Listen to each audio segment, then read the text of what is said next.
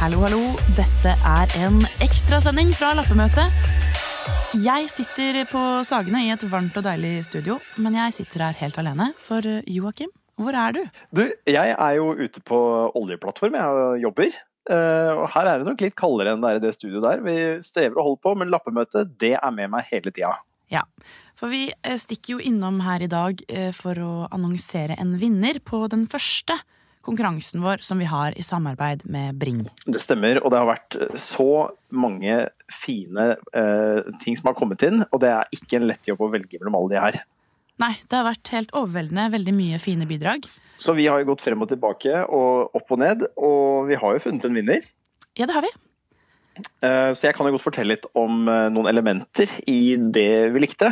Ja. Først og fremst syns jeg de som har sendt inn her, har vært veldig gode eh, i å bruke overraskelsesmoment.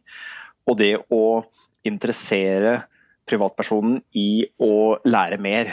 Eh, Her spiller man litt på det at man tror det er noe, og så er det noe annet. Og de har også klart å gi bort noe som jeg tror man kommer til å bruke.